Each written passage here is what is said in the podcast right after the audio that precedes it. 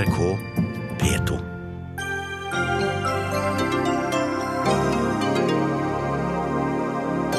Den sprengte kapasiteten på norske sykehus truer pasientsikkerheten, mener legene og sykepleierne, som vil ha en øvre grense for antall pasienter. Nei, de som trenger hjelp, må få det, svarer helsekomiteens leder. Regjeringa gir 50 millioner ekstra til oljeforskning. Hvorfor skal vi grave oss enda dypere ned i det hullet vi allerede ligger i, sukker professor. Rodrigo Duterte blir beskrevet som en uforutsigbar kvinnefiendtlig populist, men Filippinenes svar på Donald Trump blir landets nye president. Og folk synes våre billige festdrakter er finere og bedre å ha på seg enn bunader, sier Idar Vollvik.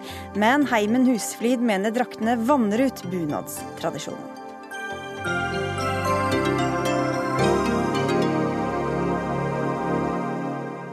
Og det er noen av sakene i eh, dagens Dagsnytt 18 i NRK P2 og NRK2. Mitt navn er Sigrid Solund. Korridorpasienter og overfylte sykehus eh, hører slett ikke bare fortida til, skal vi tro et debattinnlegg i Aftenposten i dag. For der trekker Legeforeningen og Norsk Sykepleierforbund i den helsepolitiske nødbremsen. Den sprengte kapasiteten på norske sykehus truer pasientsikkerheten, slår organisasjonenes ledere fast under tittelen 'En grense er nådd'. Og hvilken grense er det som nå er nådd, mener du Marit Hermansen, du er altså president i Legeforeninga? Dette har jo utløp i en sak fra Telemark, hvor fylkesmannen har påvist eh, at det er sammenheng mellom overfylte sykehus og, og tre tragiske dødsfall. Eh, og det som bekymrer meg ved det, er at dette er ikke en unik situasjon i Telemark. Det vi vet er at mange sykehus er overfylte. Hvert år så er, ligger over 30 000 pasienter i kott og korridorer. Eh, det vet vi eh, er en fare for pasientsikkerheten. Internasjonal forskning viser at da er det større fare for feil, det er større fare for dødsfall og sykehusinfeksjoner. Sånn at vi er verdensmestere i å legge folk eh, i trange og for små sykehus. Eh, og vi trenger eh, en endring på det. Men Er det belegg for å si at dette har ført til dødsfall eller feilbehandling eller andre tragiske utfall ved andre norske sykehus også? Våre medlemmer melder fra at når, man, eh, når, pasientene ligger på korridorene, så er det vanskelig å følge opp. Det er vanskelig å få gode pasientforløp. Dette er alvorlig syke pasienter. De legges til dels på andre avdelinger hvor man ikke kan følge opp. Sånn at vi vet eh, at dette fører til feil, og det viser også internasjonal forskning. Eli Gunhild By, du er forbundsleder i Norsk Sykepleierforbund, og du har også skrevet dette innlegget i dag sammen med Hermansen. Hvordan merker dere at, at det er flere pasienter på sykehusene enn det er tid og kapasitet til å ta seg av? Eh, beskjeden fra våre medlemmer ute er jo at de springer fortere og fortere uten at det kommer noe, noe mer tilført noen flere ressurser. Eh, og det å klare å ha en god og tilstrekkelig bemanning som gjør at pasientene faktisk får den pleien som de skal. I dag så er pasientene mye sykere og, og trenger mer pleie når de ligger på sykehus. Blir tidligere skrevet ut. Eh, så vi, må, så vi må, klare å få til en, et sykehus og en sykehustjeneste som gjør at pasientene får den gode og trygge behandlinga. Det er høyt eh, pasientbelegg. 120, eh, fra 100, 100 til 120% oppi det. og Derfor er det, eh, det, kan, det gi noen alvorlige konsekvenser for, for pasientene at de ikke får den behandlinga de har krav på. Belegg det betyr altså hvor mange senger som er opptatt, rett og slett. Mm. Eh, og det er det vi skal snakke om nå. Helse- og omsorgsminister Bent Høie kunne ikke komme hit i dag, men vi er glad for å ha deg her, Kari Kjønaas Kjos fra Fremskrittspartiet. Du er leder i helse- og omsorgskomiteen på Stortinget. Grensa er nådd. Dette er uforsvarlig, sier de som jobber med det. Hva slags inntrykk gjør det å høre på det? Nei, altså, Det er jo kjent eh, problemstilling at eh, noen sykehus er overfylte. Det er eh, problematisk at vi har korridorpasienter. Det, er, det svekker sikkerheten, men det er også veldig slitsomt for ansatte, og det er ikke minst slitsomt for pasientene. Men samtidig så er vi jo opptatt av at uh, våre innbyggere skal vite at den dagen de virkelig trenger sykehuset, så får de en plass selv om det ikke er en ledig sykehusseng inne på rommene. Men så har helseministeren i oppdragsdokumentene for uh, eh, 2016, som vi er inne i nå, gitt beskjed om at uh, korridorpasienter skal ned i null. Sånn at det er vår ambisjon at vi skal ha vekk korridorpasientene. Men så, så ser vi jo at det er korridorpasienter her, da. Så hvordan henger det sammen? Ja, så Tallene går jo stadig nedover. Antall korridorpasienter går nedover, heldigvis. Og det er jo fordi vi har satt oss et mål på det. Men samtidig så er det sånn at vi ønsker å få ned ventetider og den køen som vi arvet på over en kvart milliard eh, pasienter i kø. Eh, sånn at vi har jo økt pasientbehandlingen eh, betydelig. Eh, og så er det opp til det enkelte helseforetak. De må selv eh, passe på at de driver eh, forsvarlig. Og så har jeg lyst til å legge til at det er veldig store variasjoner, fordi tallene for 2015 de er ikke ferdige. Men for 2014 så var pasientbelegget 76% på det laveste helseforetaket, og så var det 107 på det høyeste. Sånn at det er veldig store sprik fra helseforetak til helseforetak. Men dere foreslår altså 85 belegg som en grense. Men hvorfor skal man ikke fylle opp alle, alle sengene? Jo, Det er jo fordi eh, at 85% det er et, eh, det man skal beregne for normal drift. Det vil si at Når man har en avdeling, så skal man eh, i normal drift ikke fylle opp alle sengene. For vi vet alle at dette svinger. Sånn at i perioder f.eks. med influensa, eller hvis det er glatt ute, eller andre ting som gjør at det rauser på med så pasienter. Så det er for å ha noe å gå på, rett og slett? Så ha noe å gå på når man planlegger. Og det vi vet i dag, er at man planlegger jo nye sykehus. Både at man bygger de for små, sånn at man starter dag én i Østfold med korridorpasienter, men også at det man planlegger med belegg opp mot 90 og 100% som vi har hørt fra Telemark at man gjorde.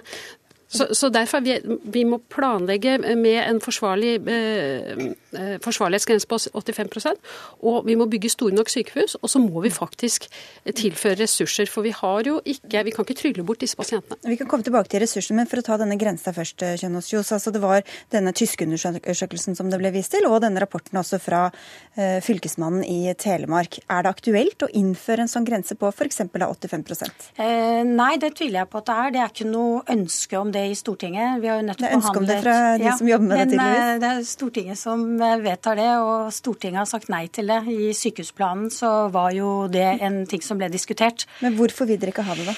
Eh, nei, det er jo sammensatt. Men det vi har eh, vært opptatt av, er dette med å få fjernet korridorpasientene. Og så er det de eh, kunnskapene vi vet om at de sykehusene som har mye akutt, de trenger en lavere belegg i utgangspunktet, mens eh, andre sykehus som tar imot veldig få akutt, kan ha en mye høyere eh, belegg i utgangspunktet.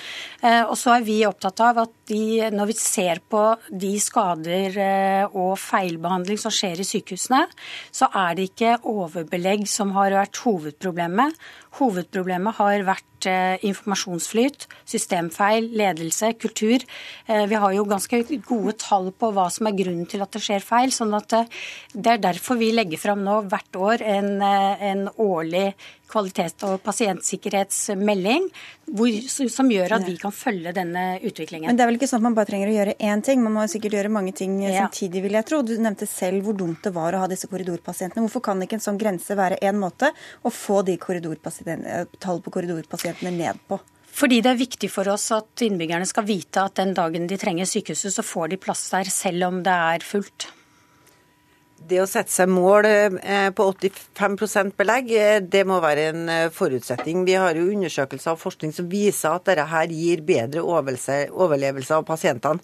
Og det, det, det, må være en av de tingene vi gjør. Og hvis vi har fokus på det, så går det an å gjøre flere av de andre tingene ved siden av. Nå er det sånn at det her vet vi noe om, så det er en av de elementene som man må gå inn og se på, nettopp for å lytte til de ansatte, eh, hva de har å si. Men øh, hvis øh, Nei, nå glemte jeg helt hva, hva det var jeg skulle spørre om her. Men, men 85 det er jo ikke et, et, tak, og så skal man stenge sykehuset. Nei, hva er poenget er med det da? Hva er poenget med en sånn grense, hvis man, man likevel skal kunne ta inn øh... Når man vet uh, pasientgrunnlaget sitt, har historikk på hvor mange pasienter som kommer inn, så skal man planlegge sånn at man har denne bufferen som de 85% gjør. Det gjør at selvfølgelig noen ganger så kan dette gå enda mye høyere, fordi alle skal, pasientene skal selvfølgelig tas imot. Men hvis man planlegger med Planlagte operasjoner osv.? Ja, antall senger, eh, personale, eh, bygningen skal være stor nok, det skal være nok rom.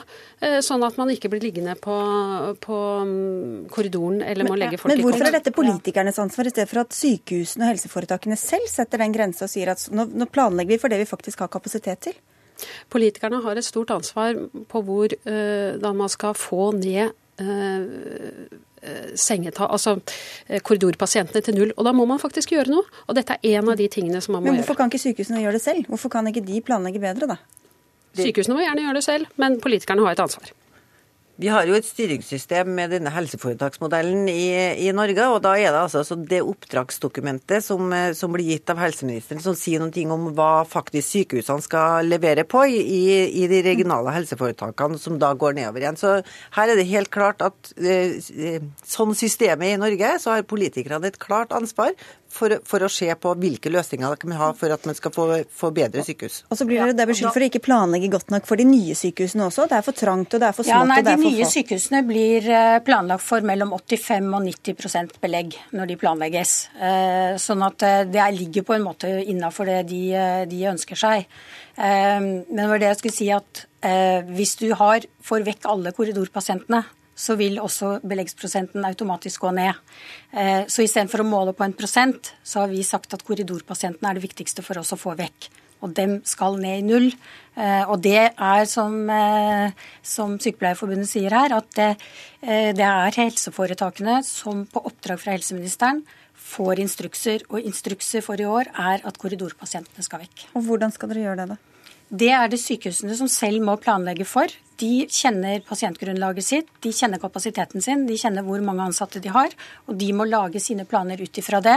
Og så må de ta høyde for en buffer som tar imot uh, akutt, og at de klarer å ta imot alle akuttpasientene sine. Så det er ballen spilt videre tilbake til uh, sykehusene, da? Ja, og sykehusene har helt klart et ansvar. Uh, men vi vet at de siste årene så har sykehusene fått tilført mindre ressurser. Debatten i avisene viser at man må stadig skjære ned på stillinger, på antall senger. Budsjettene skal skjære skjæres ned. Og vi vet at fra 2004, de siste ti årene, så har eh, de reelle inntektene i somatisk, altså for vanlige sykehus, har gått ned. Vi bruker eh, minst alle land i Norden på sykehus hvis vi ser i forhold til bruttonasjonalproduktet. Så det er klart at her trenger sykehuset Også med tanke på antall personer som bor her, eller er det bare Ja, altså andel av bruttonasjonalproduktet ja, som vi bruker til helse, er lavest i Norden. Det er ikke helt riktig det med budsjettene, fordi det er lagt opp til en vekst i pasientbehandlingen eh, som er eh, langt over de siste årene, og vi har klart å innfri den pasientbehandlingen. Eh, og bare få dager siden kom det melding fra Helse Nord som sier at de har økt behandlingen, de har økt kvaliteten, de har overskudd, og det gir dem rom til å investere i nye bygg og, og eh, medisinsk utstyr. Sånn at Sykehusene har blitt tilført mye mer midler, men dette handler også mye om organisering. Og vi har sett veldig På Ahus er et veldig godt eksempel på det, hvor det var overflod av korridorpasienter. Og så viste det seg at det handlet mer om pasientflyten og systemene. Og når de fikk ryddet opp i det, så ble det også eh, en helt annen situasjon. Og det er jo det samme som skjer i Østfold nå. Et nytt sykehus å starte opp er krevende. Og at det ikke er belegg, sier Kjønnes også, som nødvendigvis fører til den feilbehandling eller for dårlig behandling, men andre ting som man kan gjøre noe med. Eh, jeg har lyst til å ta tak i det her med budsjett. For det er altså sånn at det ble stilt en lovnad fra sittende regjering på at de skulle øke, øke budsjettene inn til sykehusene i, i, den fireårsperioden de satt ved makta. Det har jo heller ikke skjedd. Eh, og, og, de opplysningene fra Helse Nord, da skal jeg ta med en prat med Helse Nord, for sist jeg snakka med dem, så sa de det motsatte av, av det du sier her. at det er veldig trange rammer, og at det er nesten håpløst å få gjort investeringer mm. som gjør at man skal oppgradere det utstyret som faktisk er der. Så det er helt, helt, helt mm. nye opplysninger som, som, som, jeg skal lese godt. Og nå svarte du på noe helt annet enn det jeg egentlig ja. spurte om. og det er kanskje ikke tilfeldig at det er, i morgen kommer revidert nasjonalbudsjett og dere sitter her i dag. Jeg veit ikke jeg. Men kan det være andre ting i budsjettet da, som dere kan gjøre? Altså, hvis, det, hvis det ikke nødvendigvis er belegget som er det, i hvert fall ikke alene, som, som fører til feilbehandling eller dødsfall, eh, andre ting dere kan gjøre annerledes også? Det som vi har etterlyst år etter år eh, i budsjettet, det handler jo om investeringer til IKT eh, og annet medisinsteknisk utstyr. Så økte bevilgninger også inn mot Så alt handler om mer penger og mer tilskudd? Det handler om at man skal ha ressurser og systemer som er på plass, som gjør at pasientene får en, får en god og trygg behandling. Vi må huske på at det har skjedd en ganske stor mm, endring i, i, teknologi i løpet av de siste årene. Det medisinsk-tekniske utstyret krever, har stort etterslep og, og, og, krever mange penger. Og nye sykehusbygg skal planlegges og må planlegges. Og til alt dette her så trenger vi penger. Vi trenger også penger til til bemanning, nok bemanning, eh, sånn at pasienter får den trygge og gode behandlinga. Mer penger, altså. Vi får se om dere blir skuffa eller glad i morgen. Du kan kanskje ikke røpe så mye, Kari Kjønnesfjord? Hvis du vet noe, da. Nei, jeg vil ikke røpe noe på det. Men vi er enige om at vi trenger økt kapasitet til sykehusene. For det, det er vi enige om. Det er bra. Takk skal dere ha, i hvert fall alle tre. Marit Hermansen fra Legeforeninga, Eli Gunhild By fra Sykepleierforeninga og Kari Kjønaas Kjos fra Fremskrittspartiet. Dagsnytt 18 alle hverdager klokka 18. På NRK P2 og NRK2.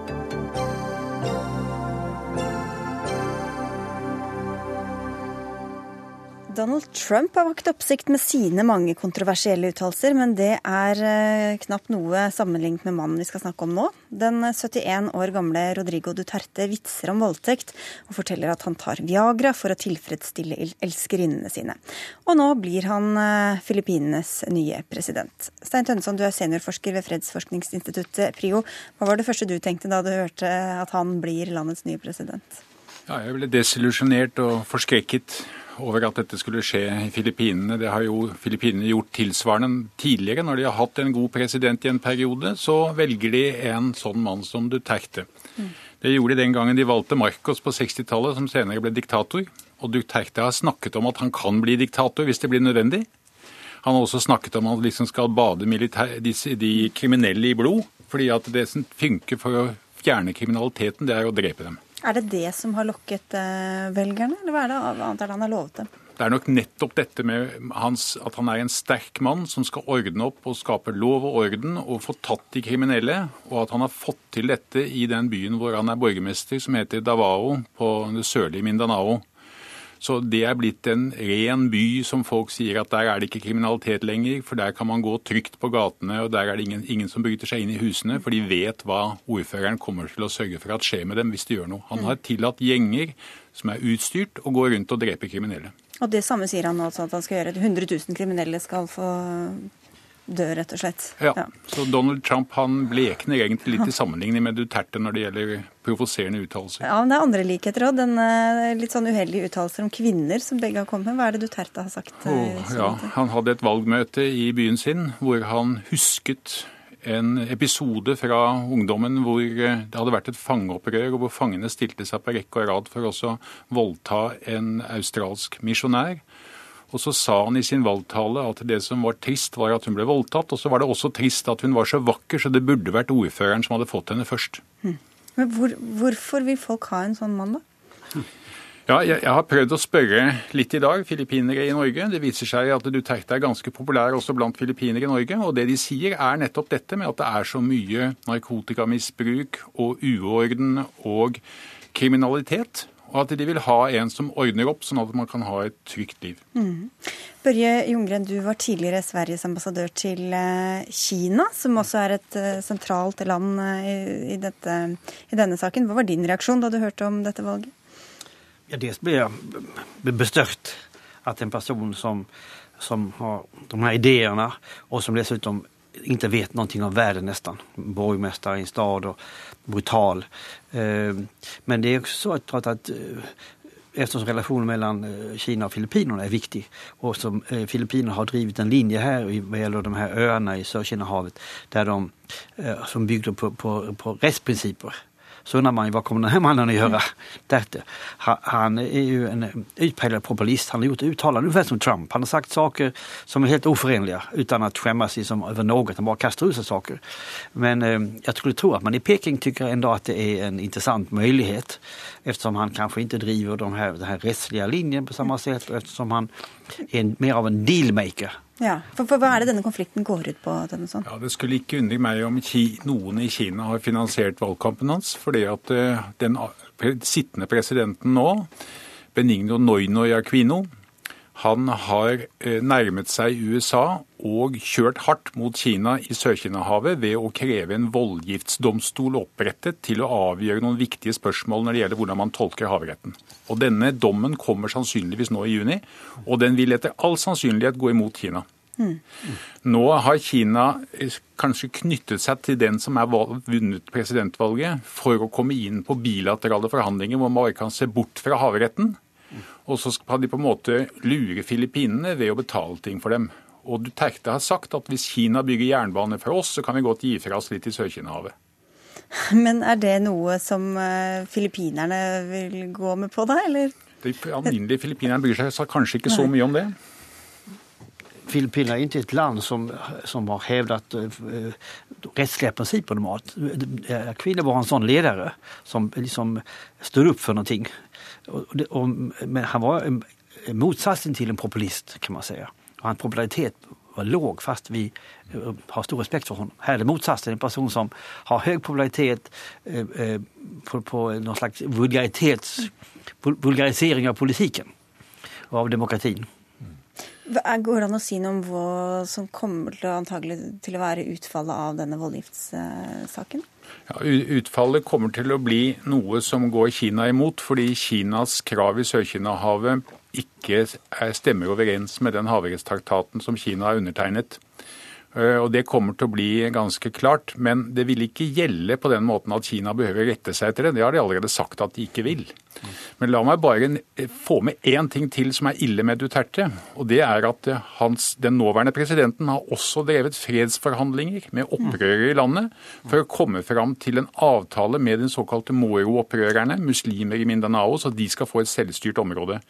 Men den avtalen har ennå ikke gått gjennom Senatet. Mm. Hvis den som ble nummer to i valget hadde vunnet, så hadde man gått videre med fredsforhandlingene. Med Duterte som president, så har han sagt at han bryr seg ikke om det. Her skal du isteden lage en, en føderalisering av hele landet, som er et langsiktig prosjekt. Så følgen av valget av Duterte blir også mer blod, mer væpnet kamp i Filippinene. Det kan vi spå ganske tydelig. Og Filippinene er et av de landene i regionen som ikke har klart å bli fredelig internt, fordi de har en veldig svak stat. Men det er også et visepresidentvalg? Ja, det vet vi vel foreløpig ikke hvem som har vunnet. Og det kan være ganske avgjørende. Fordi at en av kandidatene der er sønnen av den tidligere diktatoren Marcos, som ikke har tatt avstand fra det faren hans gjorde, hvor han jo stjal millioner på millioner av penger som han har plassert rundt i verden, og som de fortsatt jakter på.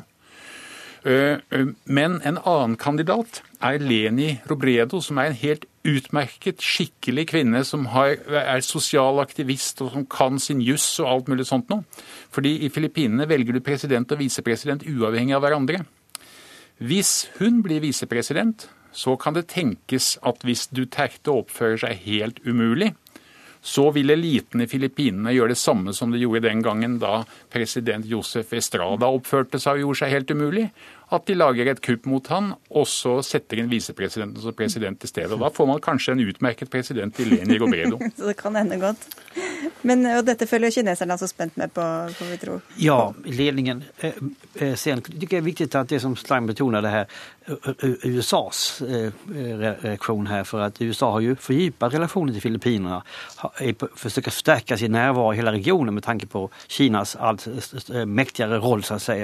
Så for USA er det en stor motgång motgång.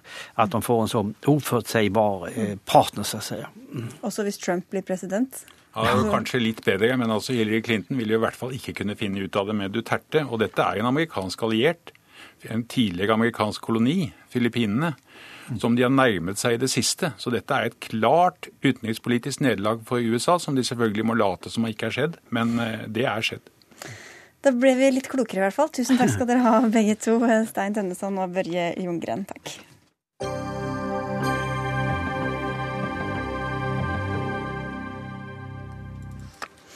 I morgen kommer som nevnt revidert nasjonalbudsjett, og fører som regel med seg mye oppmerksomhet om kutt og nedskjæringer, mens påplussingene har en tendens til å drukne. Derfor lekker en del av dem ut i forkant, som i går, da nyheten om 50 millioner ekstra til oljeforskning kom.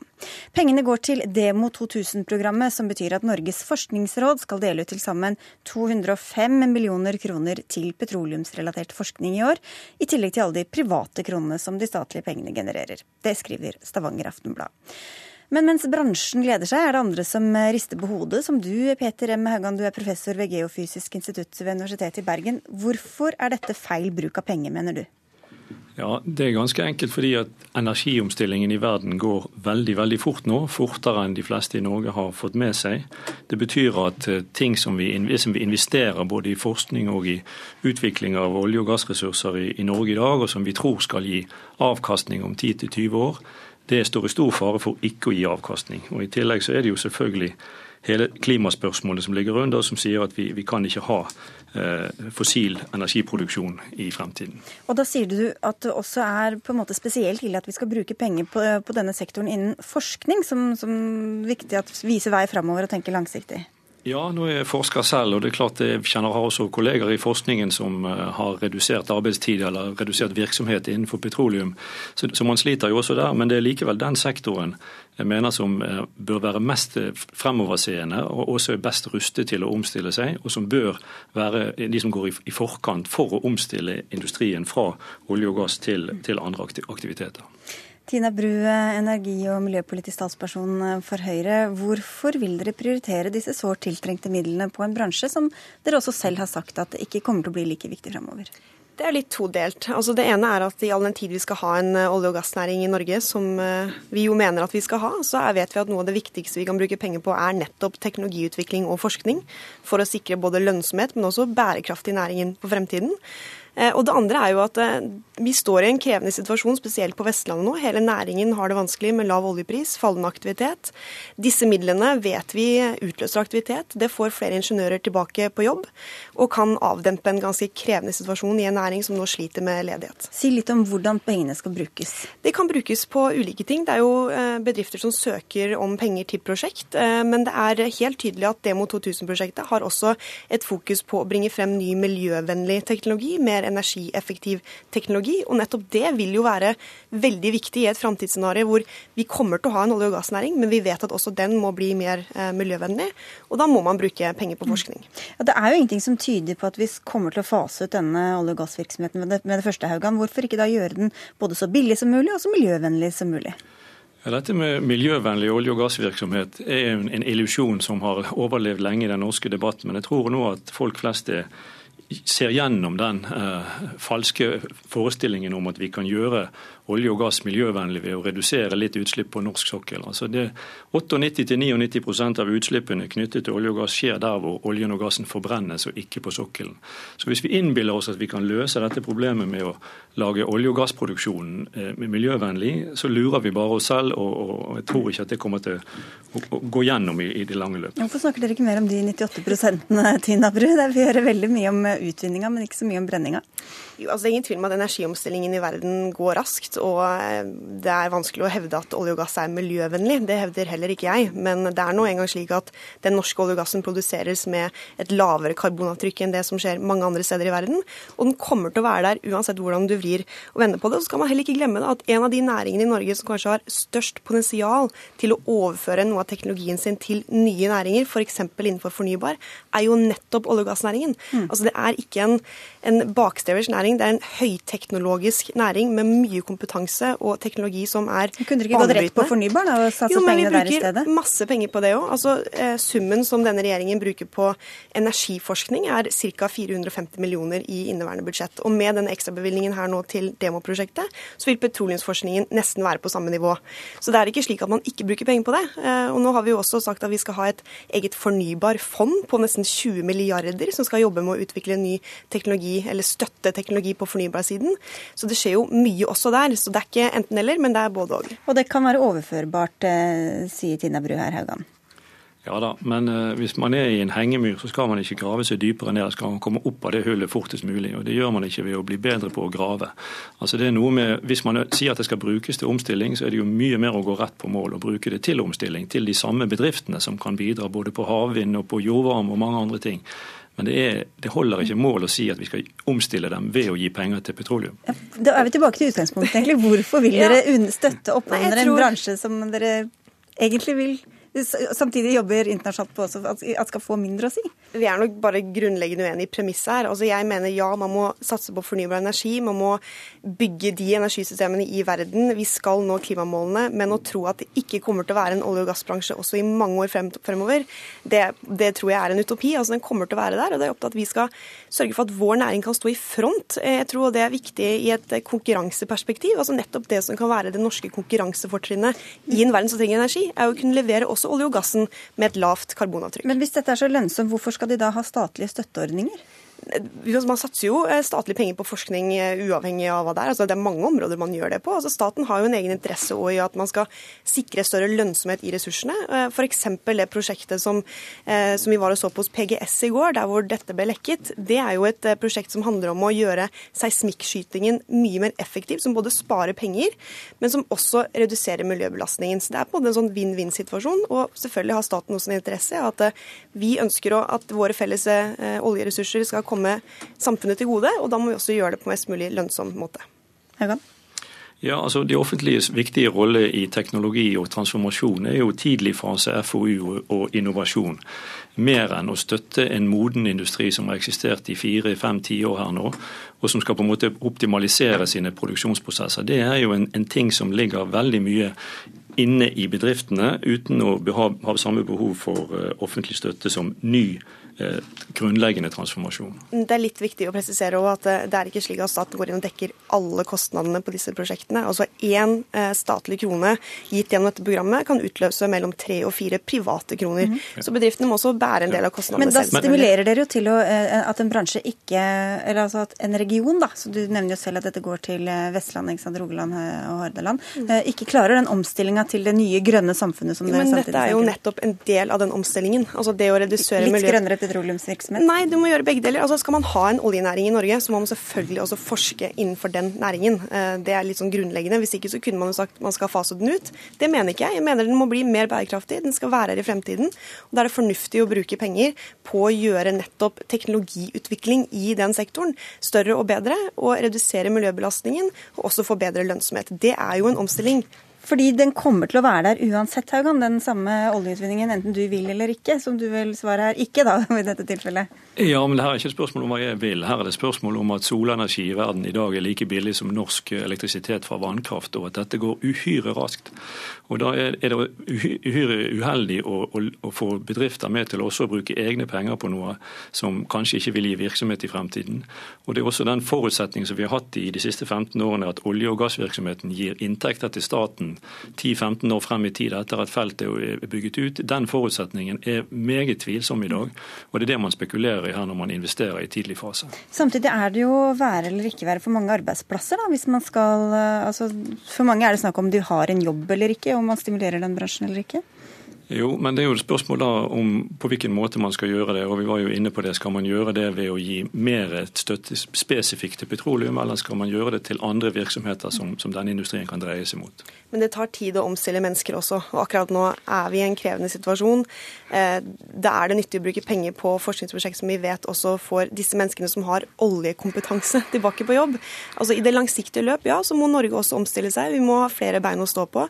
Oljenæringen kan vi ikke være like avhengig av i fremtiden som det vi har vært. Men det betyr ikke at den forsvinner, og det betyr ikke at det ikke er fornuftig og riktig å satse på, på, fremtiden også i den næringen. Men hva hjelper det da å beholde noen arbeidsplasser i fem år til, f.eks.? Jeg tror ikke det er snakk om fem år til. da. Jeg tror det er snakk om ganske mange flere år. Og i hvert fall hvis vi klarer dette. Men hvis ikke norsk oljeindustri klarer å omstille seg både på å få ned kostnadene, men også bli mer bærekraftig i et miljøperspektiv, så vil jo slutten komme raskere. Det er det internasjonale perspektivet han snakker om, at det kommer ja. til å bli mindre etterspurt, rett og slett. Det blir ikke lønnsomt. Jeg er ikke så sikker på det. Noe kommer til å ligge i bakken, det vet vi. Det kommer helt an på utviklingen fremover, energimiksen i verden, Men at det kommer til å være en betydelig andel olje og gass. Det tror jeg vi kan være temmelig sikre på. Og ja, fornybar vokser, men det vokser fra et utrolig lavt nivå. Det kommer til å ta lang tid før det kan konkurrere med de store energibærerne som det olje og gass faktisk har vært.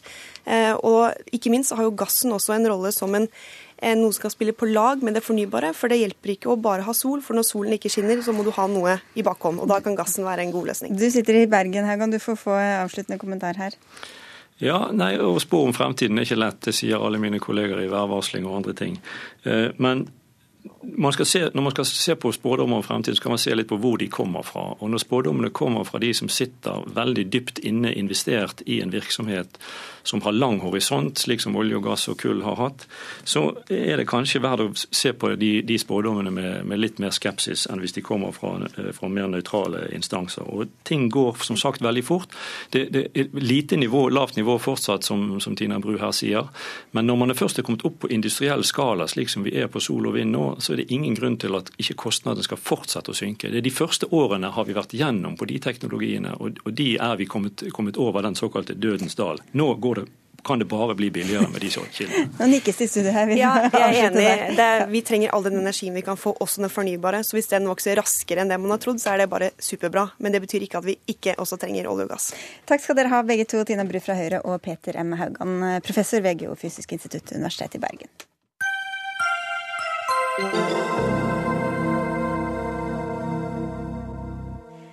Etter mye om og men trådte flyktningavtalen mellom EU og Tyrkia i kraft for to måneder siden. Denne skulle bl.a. løse problemet med tragiske drukninger i Middelhavet og begrense antallet flyktninger og migranter til Europa. Men hvordan er det gått? Pål eh, Nesse, du er seniorrådgiver i Flyktninghjelpen. Først Kan ikke du bare minne oss på hva denne avtalen gikk ut på, sånn i hovedtrekk? I hovedtrekk gikk den ut på at man skulle vokte grensen mye bedre og at de som tok seg over fra Tyrkia til Hellas, i all vesentlighet skulle returneres til Tyrkia i, i en byttehandel hvor EU og land som Norge skulle ta en viss porsjon syriske flyktninger eh, fra Tyrkia til mm. Europa. Men hovedbiten var altså å demme det store antallet som satt over i båt.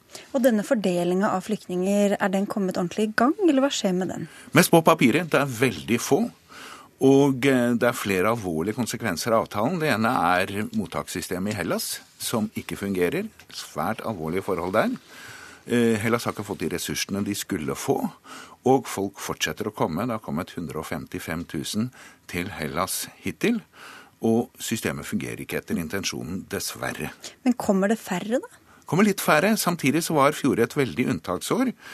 Og eh, det tok seg opp sånn på våren og sommeren. Så det er litt tidlig å si hvordan det vil bli i forhold til i fjor. Akkurat nå i april så var det færre enn i fjor. Mm. Joakim eh, Parslov, du er førsteamanuensis eh, i Midtøsten-studiet på Universitetet i Oslo. Og Tyrkia er jo, som vi har nevnt her, helt sentralt.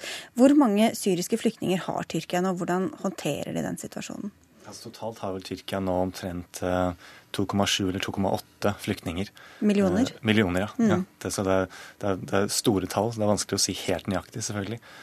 Eh, og hvordan de håndterer dem. Altså, eh, Tyrkia har, eh, har ratifisert flyktningkonvensjonen, men de har gjort det med ganske alvorlige reservasjoner, som innebærer bl.a. at de, de, bare gir flyktningstatus eh, til europeiske flyktninger, og de er det ikke så veldig mange av. Så eh, syriske flyktninger Eh, de får nå eh, mer eller mindre, ikke helt automatisk, men, men ganske automatisk, får de eh, status som midlertidige flyktninger. De faller inn under et litt annet type regime i Tyrkia. Og de har ikke så veldig god kontroll på dem, for å si, si det rett ut. Rundt 10% av disse nesten tre millioner flyktningene bor i leire rundt omkring i Tyrkia. Resten er fordelt utover landet. De fleste av dem eh, vet vi vel ikke egentlig hvor, eh, hvor befinner seg. De eh, prøver å overleve her og der. Vi vet at veldig mange av dem er hjemløse, bor her og der. Ehm, de kan få arbeidstillatelse. Når de først har registrert seg, så kan de vente i seks måneder og søke om arbeidstillatelse. Da skal de få det. Men vi vet også fra en masse forskjellige rapporter fra forskjellige organisasjoner at det er veldig mange av disse syrerne som nå ender opp med å jobbe ulovlig under veldig, veldig dårlige kår. Det var jo ikke president Erdogan som var med på å forhandle fram denne avtalen. Hvordan forholder han seg til den eh, avtalen nå? Ja, eh, der har det skjedd mye de siste par-tre dagene. Det var først og fremst statsminister Ahmed Davutoglu som, som hadde lagt sin prestisje i denne avtalen. Eh, men han er nå mer eller mindre blitt avsatt av Erdogan, selv om Erdogan formelt sett ikke har myndighet til å avsette statsministeren. Eh, så kalte han eh, statsministeren inn på et møte i palasset sitt, og etter det møtet så sa Davutoglu at han ville gå av som statsminister.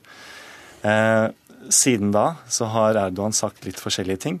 Eh, først sa han at eh, han ikke vil gå med på EUs krav om at Tyrkia må eh, snevre inn sin definisjon av hva en terrorist er, eh, for å oppfylle sine krav i henhold til denne eh, avtalen. Ehm, og at uh, Tyrkia der vil, vil, seile sin egen sjø. Altså, de og Det er noen innenrikspolitiske hensyn som ligger bak der? Ja, helt klart det. Det har, helt klart å gjøre med uh, den pågående krigen mot uh, PKK sørøst i Tyrkia, som nå har pågått i hvert fall siden juni 2015. Mm. Nesse, hvordan, hvordan forsøker Tyrkia, om de forsøker i noe særlig grad, å stanse denne strømmen av flyktninger og migranter? Det er klart de har eh, satt inn noe innsats eh, på det, men som ble sagt her, de har 2,7 millioner syrere. Og så skal Europa, som ikke har på langt nær så mange, vi skal også overlate de få som kommer over til oss, til dem.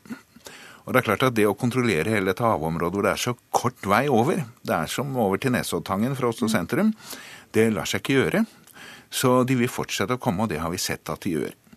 Sånn at eh, akkurat hvor mange det vil bli, det vet vi ikke. Men eh, de kan ikke kontrollere det helt. Og det blir også stadig farligere. Ja, hva slags oversikt er det grunn til å tro at Tyrkia har da, over hvem som kommer og de, eh, altså de har rimelig god oversikt, men det er så høye tall, så på et individnivå har de det selvfølgelig ikke. Og så er vi også bekymret ved at hvis du stenger enda mer på denne grensen, at vi kan få en revitalisering av den ruten som går fra Libya opp til Italia. At det kommer flere den veien isteden. Og den er langt farligere og med langt større andel som drukner. Og Samtidig har Erdogan eh, truet, med, truet EU med at han vil bruke disse flyktningene også. Hvordan da? Ja, han har, eh, han har, han har, han har hintet flere ganger eh, at han, han, ville være villig til å bare åpne Eh, den overgangen da fra, fra vestkysten av Tyrkia eh, over til eh, Hellas igjen. Han har ikke sagt det direkte, i hvert fall ikke i noen offentlig sammenheng, men han har, han har hintet sterkt om det flere ganger. Så det er veldig tydelig at han, han prøver å bruke dette som et slags pressmiddel da, mot EU, for at de skal gå med på hans krav. Så behandlingen er ikke over riktig ennå? Nei, på ingen, måte. Ja, på ingen måte. Men hvorfor går det så sakte med, med fordelingen av flyktninger inn til Europa, da? Nei, fordi det er en tung prosess, og det er mye byråkrati som skal på plass. Men også fordi det er politisk uvilje. Eh, prinsippet om eh, å holde flest mulig ute, det er man enige om. Så er man ikke enige om i særlig grad hvor mange man skal ta inn, og det er foreløpig veldig lave tall. Og akkurat som den fordelingen man ble enige om i fjor, Eh, fra Hellas og Italia, så var det jo nesten ingen som faktisk ble fordelt. Så her fungerer ikke EU etter intensjonen. Og i tillegg har vi da det dilemmaet at de prøver å skyve en stadig større del av denne saksbehandlingen over på eh, Tyrkia. Mm. Så hvor lenge tror dere avtalen varer? Holder? Vi håper jo at Europa tar mer ansvar. Eh, hvor den lenge den holder, det kan vi ikke si. Men for flyktningenes del så har vi fått en svært uverdig situasjon. Det er overfylt på øyene i Hellas. Det bor altså flyktninger én kvadratmeter hver, har de, å leve på. Og det er en ganske dramatisk situasjon. Så vi håper på politisk fremgang, og at Europa tar litt mer ansvar på en annen måte enn de har gjort til nå. Og Tyrkia? Ja, jeg, jeg, liker ikke å spå, men jeg tror ikke den kommer til å vare så veldig lenge. Nå, nå, skulle det egentlig være et møte om bare noen få dager mellom Tyrkia og EU igjen angående eh, hvor langt Tyrkia har kommet eh, ved å opprettholde sine, eh, sin del av avtalen. Den har nå blitt utsatt i en måned. Eh, så nå, nå, har liksom Tyrkia en måned til på seg til å ordne opp i, i sine rekker. Eh, så får vi se hva som skjer da. Da fikk vi en liten statusrapport i dag i hvert fall. Tusen takk skal dere ha begge to for at dere kom til Dagsnytt 18. Pål Neste fra Flyktninghjelpen og Joakim Baslo fra Universitetet i Oslo. Hør Dagsnytt 18 når du vil. Radio NRK.no.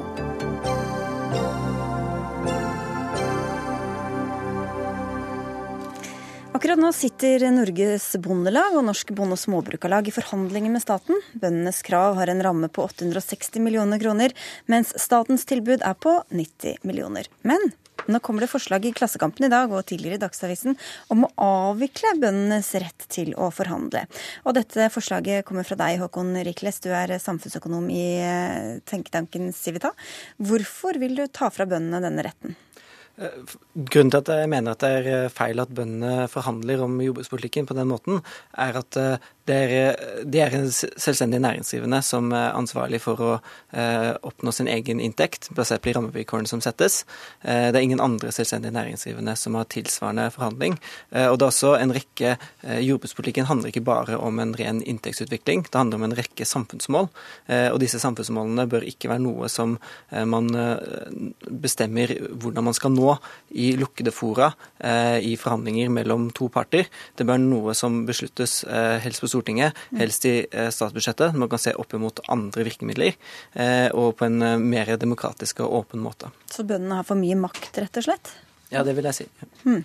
Det er kanskje ikke du helt enig i, Kristin Jansen. Du er den første nestleder i Norges Bondelag.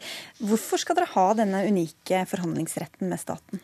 Jeg mener at For det norske samfunnet så er det her en veldig god måte å komme fram til en, en eh, avtale mellom staten og, og jordbruket eh, for eh, hvordan vi skal få produsert maten som vi etterspør, og hvordan vi skal ta landet i bruk. Det her er, vi har en, et samfunnsoppdrag, og det er jo ikke sånn at vi bare diskuterer hva slags eh, inntekter vi skal ha. Vi skal jo faktisk levere på dette samfunnsoppdraget. Så jeg mener at det er faglig dyktighet som fører oss mot det beste målet. Og det er jo feil som det blir sagt her, at det er i de lukkede rom.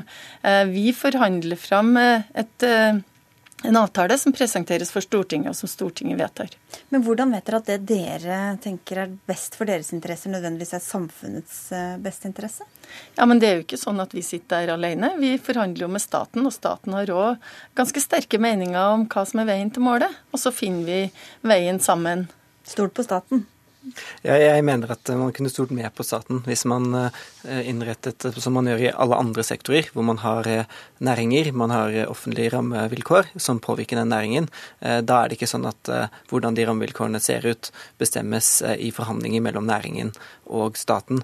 Og det er nettopp fordi det ikke er et rent inntektsoppgjør, det er nettopp fordi det er mange andre spørsmål som er oppe, at det bør ut i det åpne og i åpne stortings, reelle stortingsbehandlinger. Ikke bare at Stortinget vedtar det som har blitt ferdig ferdigbehandlet. Og vi tar ett konkret eksempel. Eh, alle vet at eh, det er eh, relativt store klimagassutslipp fra jordbruket. Jordbruket foreslår selvfølgelig tiltak for å redusere de utslippene, men det sier seg selv at jordbruket vil aldri selv komme opp med tiltak som skader dem selv, selv om det kan være nødvendig. F.eks. at de skal betale for sine utslipp. Andre sektorer betaler for sine utslipp, det er ikke jordbruket. Og de vil aldri selv komme frem til den forhandlingsløsningen, mm. og vil gjerne forhandle bort det. Hvis man har hatt en, mer, en annen prosess, en prosess som er lik som man har i alle andre sektorer, så vil det være lettere å komme frem til den type løsninger.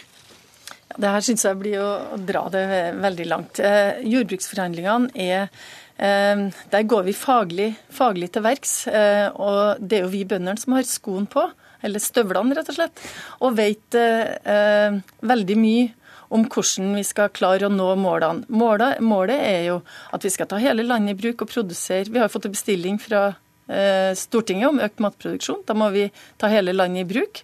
Eh, det skal være store og små bruk. Vi skal produsere trygg, trygg mat. Vi skal produsere et kulturlandskap. Og vi har jo, eh, legger jo til rette her for en stor verdiskaping som vil levere til det norske samfunnet. Det er 90 000 arbeidsplasser og 140 milliarder i verdiskaping. Så det her jeg mener at det er en suksessoppskrift. og at vi har nådd langt. Det, hvorfor, hvorfor, er det dere som skal bestemme? Hvorfor kunne ikke Stortinget ha tatt uh... Ja, men Det er jo som jeg sier. Vi kommer med våre krav. Eh, staten kommer med sitt tilbud. Vi forhandler og blir uh, ofte enige om en avtale som presenteres for Stortinget. Og for to år siden så endra faktisk Stortinget Men Det er ikke så ofte de gjør det. Nei, men der brukte de jo makta si. Mm. Det har de jo fortsatt mulighet til. Så jeg mener jo at det er veldig demokratisk. Og og vedtas i Stortinget, som er demokratiet i Norge. Du gir dem for, for, mye makt, rett og slett?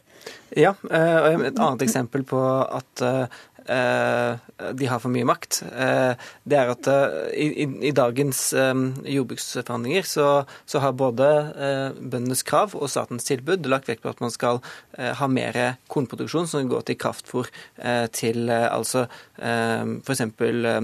husdyrhold i distriktene hvor man ikke har gode nok beiteressurser. Altså, det er en helt legitim prioritering å ta. Men det har vært mye oppmerksomhet bl.a. i NRK om at man har for høy kraftfôrforbruk i Eh, husdyrproduksjonen. At man burde basere seg mer på beite og mer på gressressurser. Eh, da blir det veldig merkelig for meg at samtidig som man har denne offentlige debatten, så går det på eh, innretningen i jordbruksoppgjøret ser ut til å gå i motsatt retning. Det er ikke et bevisst valg som er fattet, av, som befolkningen har noe innsyn i. Det blir bare én detalj i en større bilde. Og Sånn er det veldig mange små detaljer i jordbruksoppgjøret som har stor betydning. Det er over 100 enkeltstøtteordninger i jordbruksoppgjøret. Altså hvis man skulle, Det er ingen annen sektor hvor man har funnet på å styre på et så høyt detaljnivå. Man hadde nylig et, et ekspertutvalg som kom frem til at man kunne redusere det til åtte hoved, hovedstøtteordninger og nå de samme målene. Og Grunnen til at man får denne kompleksiteten og denne, uh, at man blir så vanskelig for utenforstående å forstå, er jo nettopp fordi det er et forhandlingsspill hvor man stadig legger til nye ting for å få en forhandlingsløsning. Det er jo et sammensurium litt vanskelig for folk å sette seg inn i, rett og slett. Ja, jeg syns ikke vi skal gjøre det så vanskelig. Her har vi klart å lage et system der vi målretter bruken av midlene mot et mål. Og Derfor så blir det mange Vi har mange ulike mål og mange ulike eh, Altså landet vårt er langstrakt. Vi har det flatt, vi har det bratt. Eh, det kan være vått eller, eller, tørt, og vi produserer mange forskjellige ting. Og så har vi en veldig finmaska eh, innretning som gjør at eh, pengene brukes for å oppnå et mål. Og, eh, og det, det, fungerer jo faktisk, men eh, det er klart at det har blitt utfordra av denne regjeringa, som ønsker å, å fjerne målrettinga for, for alt. Jo mer grovmaska det blir, jo mindre målretta blir pengebruken. Men hvis vi, Du, du sammenligner med, med, andre private næringsdrivende, men de har noe helt andre altså, hvor, er, hvor, sammenlignbart er det egentlig når du hører alle de målene og alt det, de bøndene og, samfunnsansvaret som de har? Det, det, er sant at det ikke er sammenlignbart. Eh, for Det er ingen andre næringer som får så store overføringer fra staten. De får 15 milliarder i året. Eh, det vil jeg si i seg selv er en grunn til at eh, det ikke bør være en fait accompli når det kommer i statsbudsjettsbehandling i høsten. At det er noe man faktisk kan sette opp mot andre samfunnsbehov. Eh, men det er mange andre næringer som mottar, som mottar støtte. Mange andre næringer hvor, som i høyeste grad påvirkes av statens rammevilkår. Tidligere så hadde man fiskeriforhandlinger som var på, litt på samme måte, og det gikk man vekk ifra mm. å ha en så detaljert forhandling, fordi man mente det ikke var hensiktsmessig å styre sektoren på den måten.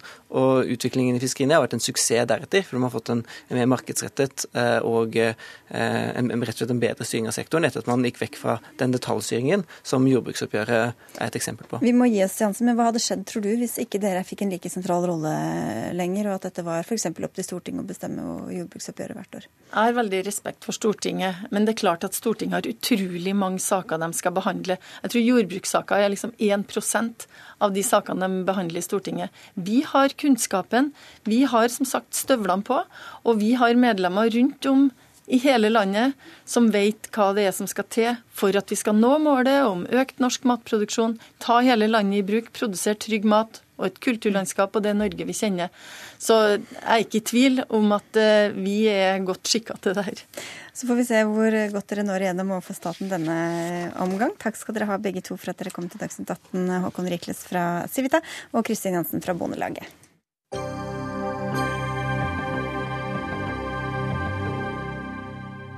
Det er en uke til 17. mai, og det evigunge bunadstemaet er igjen aktuelt. På NRK P2s Nyhetsmorgen i dag kunne vi høre at flere og flere kjøper såkalt festdrakt til feiringa.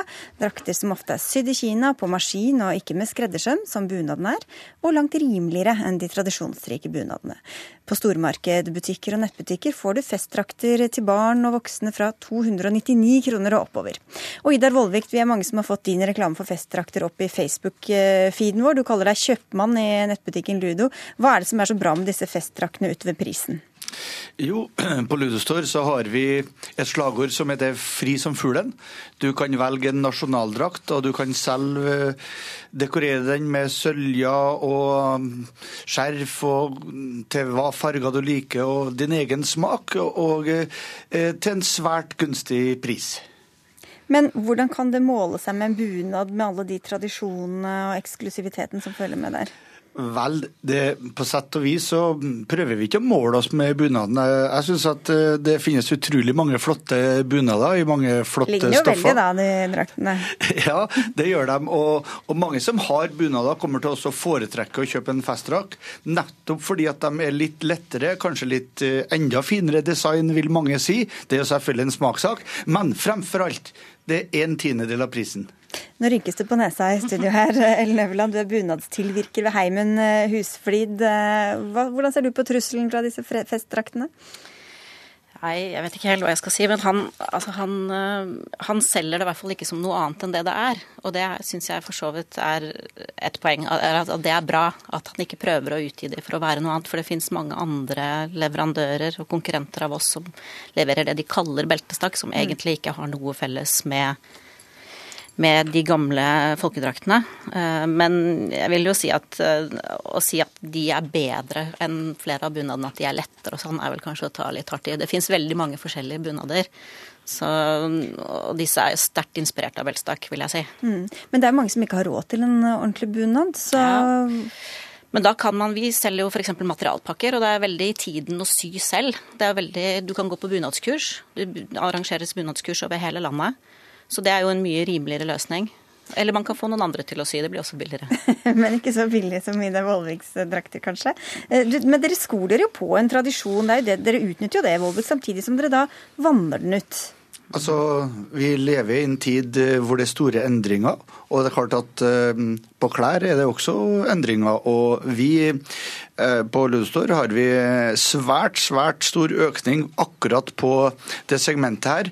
Nettopp fordi at eh, mange vil heller prioritere å kanskje kjøpe, ta en tur til Syden og andre ting, eller bare å kjøpe en bunad, for det er jo en stor investering. Men jeg, jeg må jo si at det er utrolig mange flotte bunader. Jeg tror det er mange som kanskje begynner å kjøpe en festdrakt, som kanskje over tid sparer til en bunad. Og jeg ser ikke noe, jeg ser ikke bunader som en trussel for oss, eller oss som en trussel for, for bunad. Tvert om. Jeg tror at det er flott at vi utfyller hverandre. Kan det true denne likheten? Kan det Ja, det, for det, disse festdraktene er jo en sånn utvanning at de, er, de tar elementer fra flere, bun, altså flere folkedrakter og bunader og mikser de litt sammen. Så det, det er klart at det blir en Det er jo et sammensurium av forskjellige Men hvordan går det, går det ut ved bunadstradisjonene, da? Det er jo noe med at altså Mange av disse folkedraktene har røtter tilbake til 1700-tallet, og hver fjordarm og hver dal hadde sin variant. Så hvis du sauser alt sammen sammen og lager én stor festdrakt av det, så blir det jo ikke så gøy hvis alle skal gå i den samme drakten. Ja, men vi på Ludutø i hvert fall, vi har egne designere som eh, lager vår Altså prøver å skape hva skal jeg si, vår egen identitet. Skjuler litt i de bunadene som Ja, vi skal alle høre da. Alle skuler jo litt til alle, men skjønt at vi, vi prøver å faktisk holde vår sti så ren som mulig der, da. Og så er det selvfølgelig litt eh, at vi av og til Vi har mange, mange variasjoner. At vi av og til får høre at vi er litt like en eller annen. Ja, det gjør vi, men stort sett gjør vi ikke det. Det er jo ikke noe tvil om at noen av de bunadene er veldig inspirert av beltestakk og hardangerbunaden. Det er ikke veldig vanskelig å se det. Men det er jo heller ikke deres bunader. Det er helt norske. Dere får broderiene utført i Østen. Hva er da den Ja. store prinsipielle forskjellen her? Eh, Den store forskjellen er jo at mange av disse bunadene har røtter veldig langt tilbake i tid. Og selv de nyeste bunadene har jo røtter snart i hvert fall 80 år tilbake i tid. Og, men mange av folkedraktene har jo som sagt røtter tilbake til 1700-tallet. og da Nei, det var ikke, jeg skulle ikke jeg skulle, jeg si at Det er jo sånn i dag at du kan jo nærmest bli uglesett hvis du går med en bunad som ikke du kan dokumentere at bestemoren din bodde i, det, Ja. i den regionen. Hvorfor skal alt være så strengt? Nei, men det er ikke så strengt. Men jeg er mer opptatt av det at man skal bevare Altså man tar vare på det gamle håndverket og tar vare på tradisjonene. For vi har en veldig unik bunadstradisjon i Norge. Det, altså, det er jo ingen andre land som kler seg sånn som vi gjør på 17. mai. Det, altså, du ser folkedrakter i andre land, men der er det altså leikaringer eller type turistoppvisninger som bruker fol- altså, folkedrakt sånn som vi gjør, da. Og hvis du er med å utkonkurrere bunadene på sikt med festdraktene dine, Vollvik, eh, hvordan føler du for det? Jeg tror faktisk aldri det vil skje tvert om. Jeg tror at eh, vårt arbeid med festdrakter er bare øker aktualiteten også for bunader. Og jeg er litt enig med henne at vi skal selvfølgelig ta vare på tradisjonene.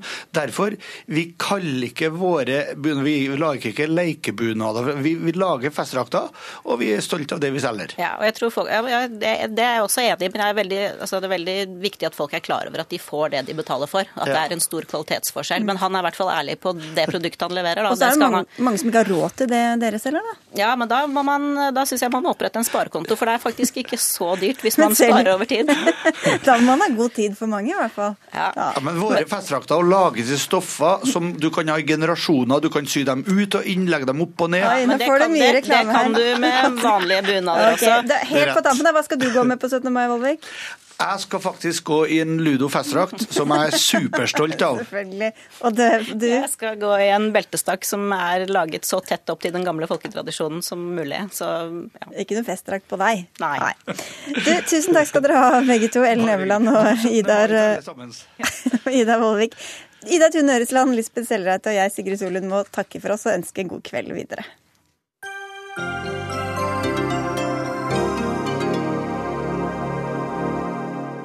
Hør flere podkaster på nrk.no podkast.